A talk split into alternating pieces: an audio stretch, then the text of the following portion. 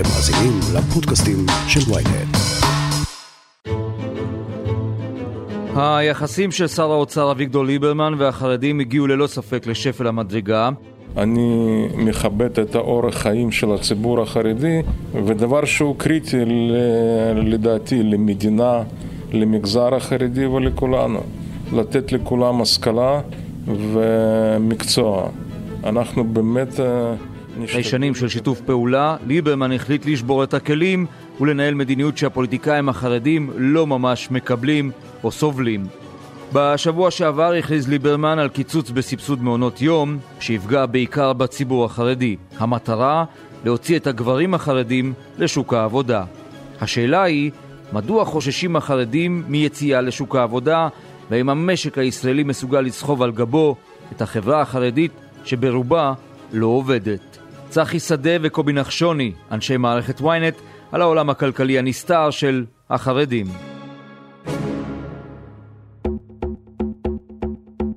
הכותרת, הפודקאסט היומי של ynet עם עטילה שומפלבי.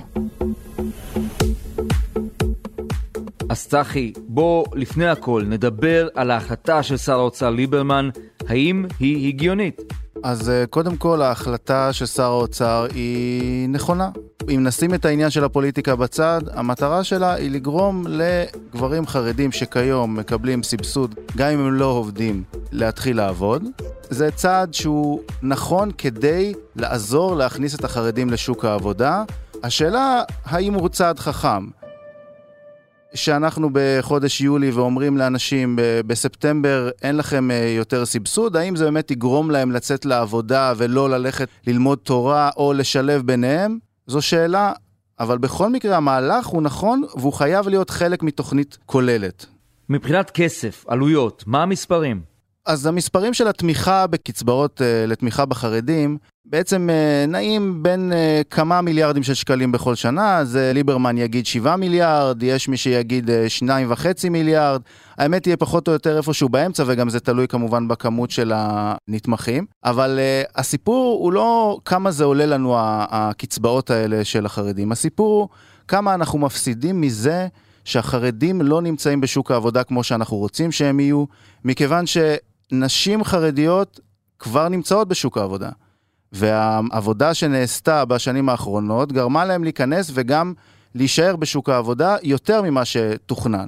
הבעיה היא הגברים, וזאת הבעיה של כל מדינת ישראל. וזה אינטרס לאומי של מדינת ישראל שהגברים החרדים ייכנסו לשוק העבודה, מכיוון שזה יכניס לנו עוד הרבה יותר מיליארדים. זה יגדיל את התוצר, יגדיל את העוגה בעצם שאנחנו יכולים לחלק לכולנו, וזה דבר חשוב מאין כמוהו. השאלה היא איך עושים את זה, ומנסים לעשות את זה כבר 20 שנה. הצעד הראשון הוא באמת קיצוץ של קצבאות, שזה צעד שהוכח שמכניס חרדים לשוק העבודה, גם ב-2003 עם אה, ראש הממשלה בנימין נתניהו, שגרם להם להיכנס לשוק העבודה, וגם אחר כך אה, כשיאיר לפיד היה שר אוצר וקוצצו קצבאות, זה הייתה השפעה מיידית ואמיתית. הבעיה היא ש... החרדים נכנסים לשוק העבודה בגלל קיצוץ קצבאות למשרות בשכר נמוך. והסיבה היא שהם נכנסים למשרות בשכר נמוך, מכיוון שההשכלה שלהם היא לא מספיקה למשרות אחרות. וברגע שהם נכנסים למשרות כאלה, אז כאשר המפלגות החרדיות חוזרות לממשלה, וזה כבר קרה בעבר כמובן כמה פעמים, אז הקצבאות חוזרות. כשהקצבאות חוזרות, אז קל מאוד לצאת בך מחדש משוק העבודה, בגלל שאתה נמצא במשרה שלא לא כזה אכפת לך ממנה, אתה לא מרוויח ממנה כל כך הרבה כסף, אז אם כבר מחזירים לנו את הקצבאות, אז בואו נשאר בבית. זה האתגר האמיתי, לייצר ערך לגברים חרדים שיישארו במקומות העבודה, וזה יכול להיות בעבודות שיעניינו אותם יותר, או בעבודות שייתנו להם שכר יותר גבוה, ואז התמריץ שלהם לצאת החוצה בחזרה כשחוזרת להם הקצבה, הוא יהיה הרבה יותר נמוך. הדבר הכי מעניין, צחי, שנתקלתי בו הוא הוויכוח בין הכלכלנים. אולי אפילו לא ויכוח, אלא סוג של קונצנזוס לגבי המשקל הכבד שנמצא על הכתפיים של מעמד הביניים הישראלי. וישנה אמירה של כלכלנים שאומרים, רבותיי, המשק הישראלי, כפי שהוא כיום, לא יוכל לסחוב על הגב את החברה כולה אה, לאורך זמן. אז זו אמירה אכן שנאמרת כבר הרבה, והיא... כל הזמן אנחנו אומרים, כשמפחידים אותנו שמשהו יקרה והוא עוד לא קורה, אז אנחנו אומרים, רגע, למה אתם מפחידים אותנו? זה כל הזמן אתם מפחידים והמצב, אה, אנחנו מצליחים לשרוד. אבל הסיפור הדמוגרפי במדינת ישראל הוא לא משהו שהוא עובדה. הדמוגרפיה בחברה החרדית אומרת שבעוד מספר שנים, אם בין אם זה 10 או בין אם זה 20 או בין אם זה פחות, החברה החרדית תהיה רוב במדינת ישראל. כשמדברים על שילוב חרדים בשוק העבודה, אחת הבעיות היא שזה, ובמשרד העבודה מגדירים את זה כלרדוף אחרי מטרה נאה. למה לרדוף אחרי מטרה נאה? כי הם מצליחים להכניס חרדים לשוק העבודה, אבל באותו זמן נוספים עוד הרבה אחרים. אז גם אם אנחנו מכניסים, מצליחים להכניס כמותית אנשים לשוק העבודה מבחינת שיעור, האחוזים יורדים, מכיוון שהאוכלוסייה הזאת הולכת וגדלה במקביל לאוכלוסייה הלא חרדית, שכמו שאמרת, היא בעצם סוחבת אותה על הגב, והגב הזה הוא הולך ונשבר ונשבר ועוד קצת, עד שהוא יישבר לגמרי. ואז תהיה לנו פה בעיה מאוד רצינית, ואני לא חושב שזה נבואות זעם, אלא משהו אמיתי שיקרה פה.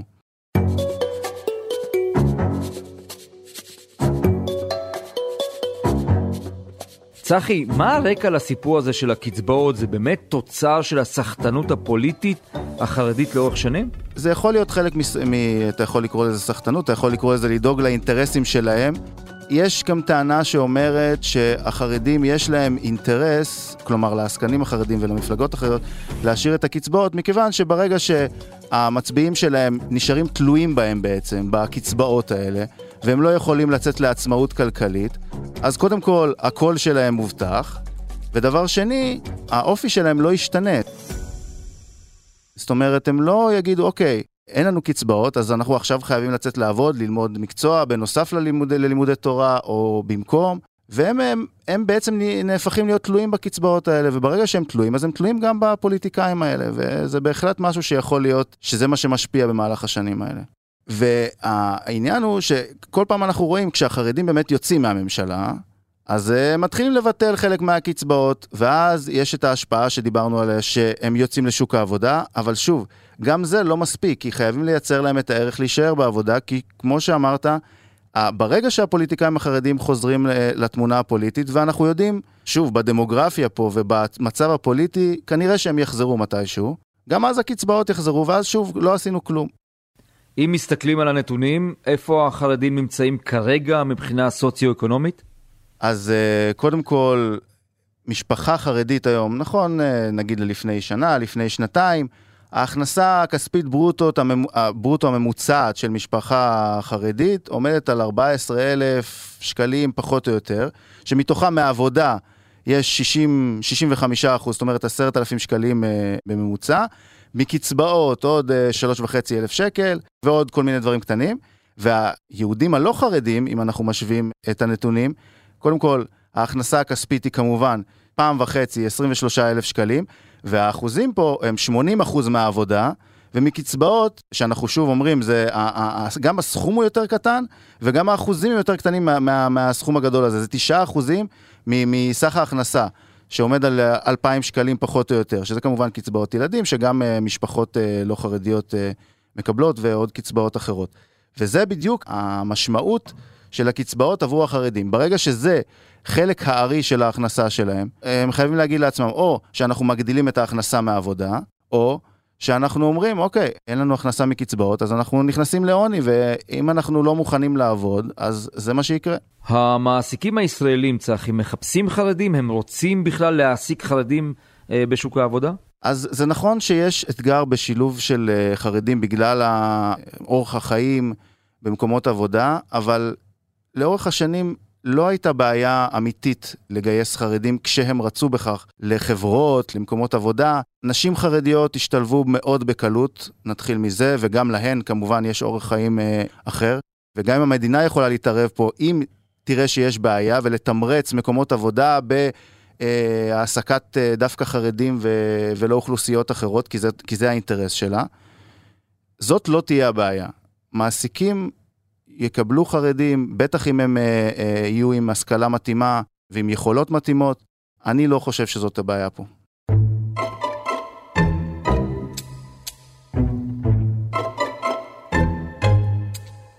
קובי, מה התחושות ברחוב החרדי מאז כניסתו של ליברמן למשרד האוצר? תראה, אם ניגע בצד הפוליטי, אז מי שקורא תקשורת חרדית, מי ששומע את הרטוריקה של הפוליטיקאים החרדיים. ליברמן זה המן המודרני, ממש רשע מרושע, משומד, שונא יהודים, שונא חרדים. תפתח עיתון שלפני שבע שנים, אתה תשמע את אותם דברים על לפיד של אז, שהיום הם קצת אולי עם יחס יותר רך כלפיו, ואם אתה תפתח עיתון מלפני 18 שנים, מלפיד האב, אז אתה את אותם ביטויים, אבל פה כן יש תחושה של ליברמן, שהיה קרוב לחרדים עד לפני כמה שנים, עשה איזה שינוי של 180 מעלות, ולא רק עזב את uh, גוש הימין ואת נתניהו, כמו שכולנו יודעים, אלא ממש לאורך כל הדרך הלך על קו אנטי-חרדי והבטיח שהוא לא יישב עם החרדים ושהוא יטפל בחרדים, והציבור החרדי מאוד מאוד מאוד חושש מהרגעים האלו שבהם הכוח uh, חזר אליו לידיים. והגזרה הזו, שכמו שקוראים לה בציבור החרדי, גזירת ליברמן, הרעבת הילדים אה, מבחינת החרדים זה רק אה, יריית הפתיחה של כל מה שליברמן חיכה כל כך הרבה שנים לעשות, אבל מה שמעניין הוא שאת רוב האש שלהם הם מכוונים עכשיו לא לליברמן, אלא דווקא לשקד, לבנט, לסער ולאלקין, שהבטיחו, הבטיחו לנו, אומרים החרדים, הם הבטיחו שהם ירסנו את ליברמן, שהם ידאגו שהוא לא יצליח לפגוע בנו, והנה הוא מצליח להוביל מהלכים שהוא לא צריך אותם. עכשיו יש פה דבר מאוד מעניין, יש בשטח צעירים, שאני גם מדבר איתם, שרוצים להשתלב בחברה הישראלית ורוצים לעבוד ולהתפרנס ולחיות חיים ברמה גבוהה. מצד שני, יש את האינטרסים של העסקונה, של הפוליטיקאים, של הרבנים, לשמור עליהם בפנים. איך זה, איך זה מתקיים? טוב, תראה, קודם כל, כל העניין הזה של השתלבות החרדים, ובואו ניקח את זה כ, כ, כעניין כללי, גם אם אנחנו מדברים על שירות בצבא או שירות אזרחי, ובין אם אנחנו מדברים על תעסוקה, או בכלל על כל מיני תהליכים של אה, ישראליזציה של החברה החרדית. צריך כל הזמן לזכור שהדבר הזה הוא חרב פיפיות. כי מצד אחד, ככל שאתה נותן תמריצים יותר גדולים ופיתויים יותר גדולים, כך אה, אתה מצליח להביא יותר ויותר אנשים להשתלב בעבודה, לשרת את המדינה, אה, להשתלב בחברה.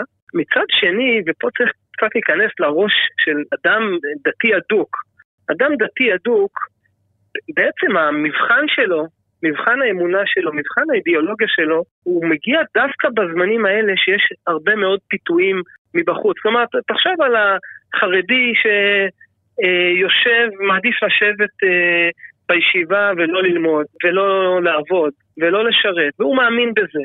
אבל כשנוח לו, אז אה, זה קל, כאילו, נוח לך, אתה מקבל תקציבים, אז קל לך לחיות לפי האמונה הזו, שדורשת ממך אה, הסתפקות במועט, והילדים שלך נמצאים מתחת לקו העוני, אבל בסופו של דבר אתה מקבל את שלך וזה, ואתה מסתדר עם זה. הדבר הזה עומד למבחן ברגע שמפתים אותך. ביהדות זה נקרא ניסיון, כן? הניסיון שאברהם אבינו אמר בו. מתי אדם עומד למבחן על אמונותיו ועל עקרונותיו? כשקשה. דווקא זה גורם להם להתבצר יותר ויותר. ואני פוגש בשבועות האלה, בימים האלה, אתה פוגש אנשים חרדים שהם בסך הכל די מודרניים ודי פתוחים. ואם היית תופס אותם בזמנים אחרים, אז הם היו אומרים לך, כן, אה, צריך שיהיו פחות אברכים, הם צריכים יותר להשתלב בתעסוקה, יותר לשרת בצבא, ודווקא עכשיו, כשנמצאים תחת איזושהי גזרה, אתה רואה איזשהו ציפוף שורות של כל החרדים, גם אלה שיש להם פוטנציאל להשתלב, ויש להם פוטנציאל לשרת, ויש להם פוטנציאל לעבוד, ברגע שזה מגיע מאחד כמו ליברמן, וזה מגיע עם מעטפת של אה, פיתויים מצד המדינה, רק, רק תבוא, רק תצא החוצה וניתן לך תקציבים בחוץ וניתן לך פרנסה בחוץ וניתן לך עבודה בחוץ, דווקא זה הזמן לצופף שורות, דווקא עכשיו האמונה שלנו עומדת במבחן, דווקא עכשיו צריך יותר להתבצר בישיבות, יותר ללמוד, פחות לצאת לעבוד, כי יש שם מישהו מבחוץ, המדינה הציונית, הפוליטיקאים החילונים, שמנסים לפתות אותנו לבוא אליהם. קובי, תאר לנו בבקשה את הדיסוננס בין הדור הצעיר של החרדים לבין המנהיגות הבוגרת, הוותיקה? תראה, העולם החרדי, אני חושב שבסוף אה, כל האידיאולוגיה שלו אה, יכולה להתקיים רק בתוך החומות. ומה שקרה ב-20-25 שנה האחרונות, וזה קצת אה, טענה שחוקה, אבל זו האמת. בסופו של דבר, כל עוד הציבור החרדי יכל להתבצר בתוך החומות, ולהיות תחת uh, שלטון של רבנים ותחת הנהגה, הייתי אומר אפילו משטר חברתי מאוד ברור, גם של עסקונה כמו שקראנו לזה קודם, וגם של הנהגה רוחנית ורבנית, כל עוד אתה בתוך החומות, בתוך המסגרת, בתוך הקהילה, האידיאולוגיה המאוד סגורה הזו יכולה להתקיים. ברגע שהחומות נפרצות, אז הפיתויים גדלים, העיניים נפתחות, זה לא רק בנושא של אה, שירות בצבא או יציאה לתעסוקה, אלא גם בתחום של אמונות ודעות. לפני 20-25 שנה, מה שקרה זה שמהפכת האינטרנט, שהפילה את כל החומות, גם אם הם נשארו באותו גובה החומות הפיזיות, אבל אתה יודע, הווי-פיי עוקף את החומות הפיזיות. וזה התחיל אולי בעידן האינטרנט, והגיע לתקשורת חרדית מאוד נשכנית ומאוד עצמאית, כי אין יותר את הסגירות הזו ואת השלטון ה... אה, הקשה של ההנהגה הרבנית ושל ההנהגה הפוליטית או החברתית. וזה בדיוק הפער הזה שאתה מדבר עליו בין הדור הצעיר למבוגרים יותר. למרות שצריך לזכור כל הזמן, וזה אני כל הזמן גם ככתב חרדי מזכיר לעצמי, שהחרדים שאנחנו פוגשים ברחוב, או ברשתות החברתיות, או איפה שאנחנו לא פוגשים אותם, הם ברוב המקרים לא מייצגים את החרדי המצוי. אלה באמת הפתוחים יותר, המודרניים יותר, כמו שקוראים לזה בחברה החרדית, המסה העיקרית אבל שיושבת באמת בתוככי הריכוזים החרדיים, בתוך בני ברק, בתוך, אה, בשכונות החרדיות בירושלים, בערים החרדיות ברחבי הארץ, כל מגמת הפתיחות וההבדלים בין הצעירים למבוגרים שאנחנו מספרים לעצמנו לא נכון לגביהם.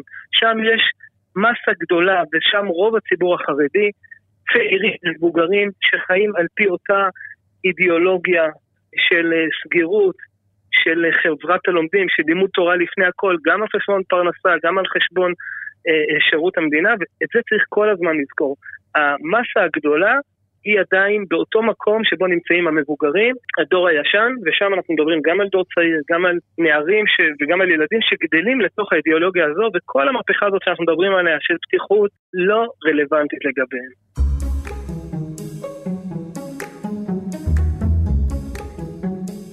עכשיו, הדור הבא של הצעירים החרדים, מן הסתם הם ממשיכים לגדול בלי כלים למאה ה-21. למה שנחשוב שבעוד עשור או 15 שנים התמונה תהיה שונה, אם לא יהיה כרגע דרבון ללמוד לימודי ליבה ו- ולרכוש כלים לעולם המודרני? אז נכון להיום, אין שום סיבה שנחשוב ככה, כי המצב לא משתנה כרגע. השינוי צריך להיות הרבה יותר עמוק מביטול סבסוד כזה או אחר. הוא צריך להגיע מבתי הספר, וזה יכול להיות לימודי ליבה, כמו שיאיר לפיד תמיד מדבר, וזה יכול להיות בצורה של uh, הכשרות ספציפיות מקצועיות למקצועות נדרשים במשק, שקיימים כאלה. זה יכול להיות בדרך בתי הכנסת, דרך הקהילות, אבל נכון להיום, הילדים החרדים שגדלים היום, אם הם יגדלו כמו שהדור הקודם שלהם גדל, הבעיה שלנו הולכת וגדלה. ואגב, יישבר בסוף. ואתה, צחי, מה היית עושה שונה לו היית שר האוצר? היית אה, עושה מהלכים שונים מאלו של ליברמן? אז קודם כל, אני חושב שחוץ מהמהלך שהוא כבר עשה עכשיו, אה, באמת, קודם כל יש עוד קצבאות שאפשר לבטל או לשנות בצורה ש... שהם יתמרצו אה, כניסה לשוק העבודה. ובנוסף, ההכשרות המקצועיות במדינת ישראל, וזה אגב בעיה לא רק ב... בעניין החרדים, אלא בכלל, כל תקופת הקורונה לא היה שום ניצול של הכשרות מקצועיות לעשות הסבות, הסבת מקצועות לאנשים שאיבדו את העבודה שלהם ויכולים לעבוד במשהו אחר. נעשו מעט מאוד, היה בזבוז זמן אדיר בנושא הזה.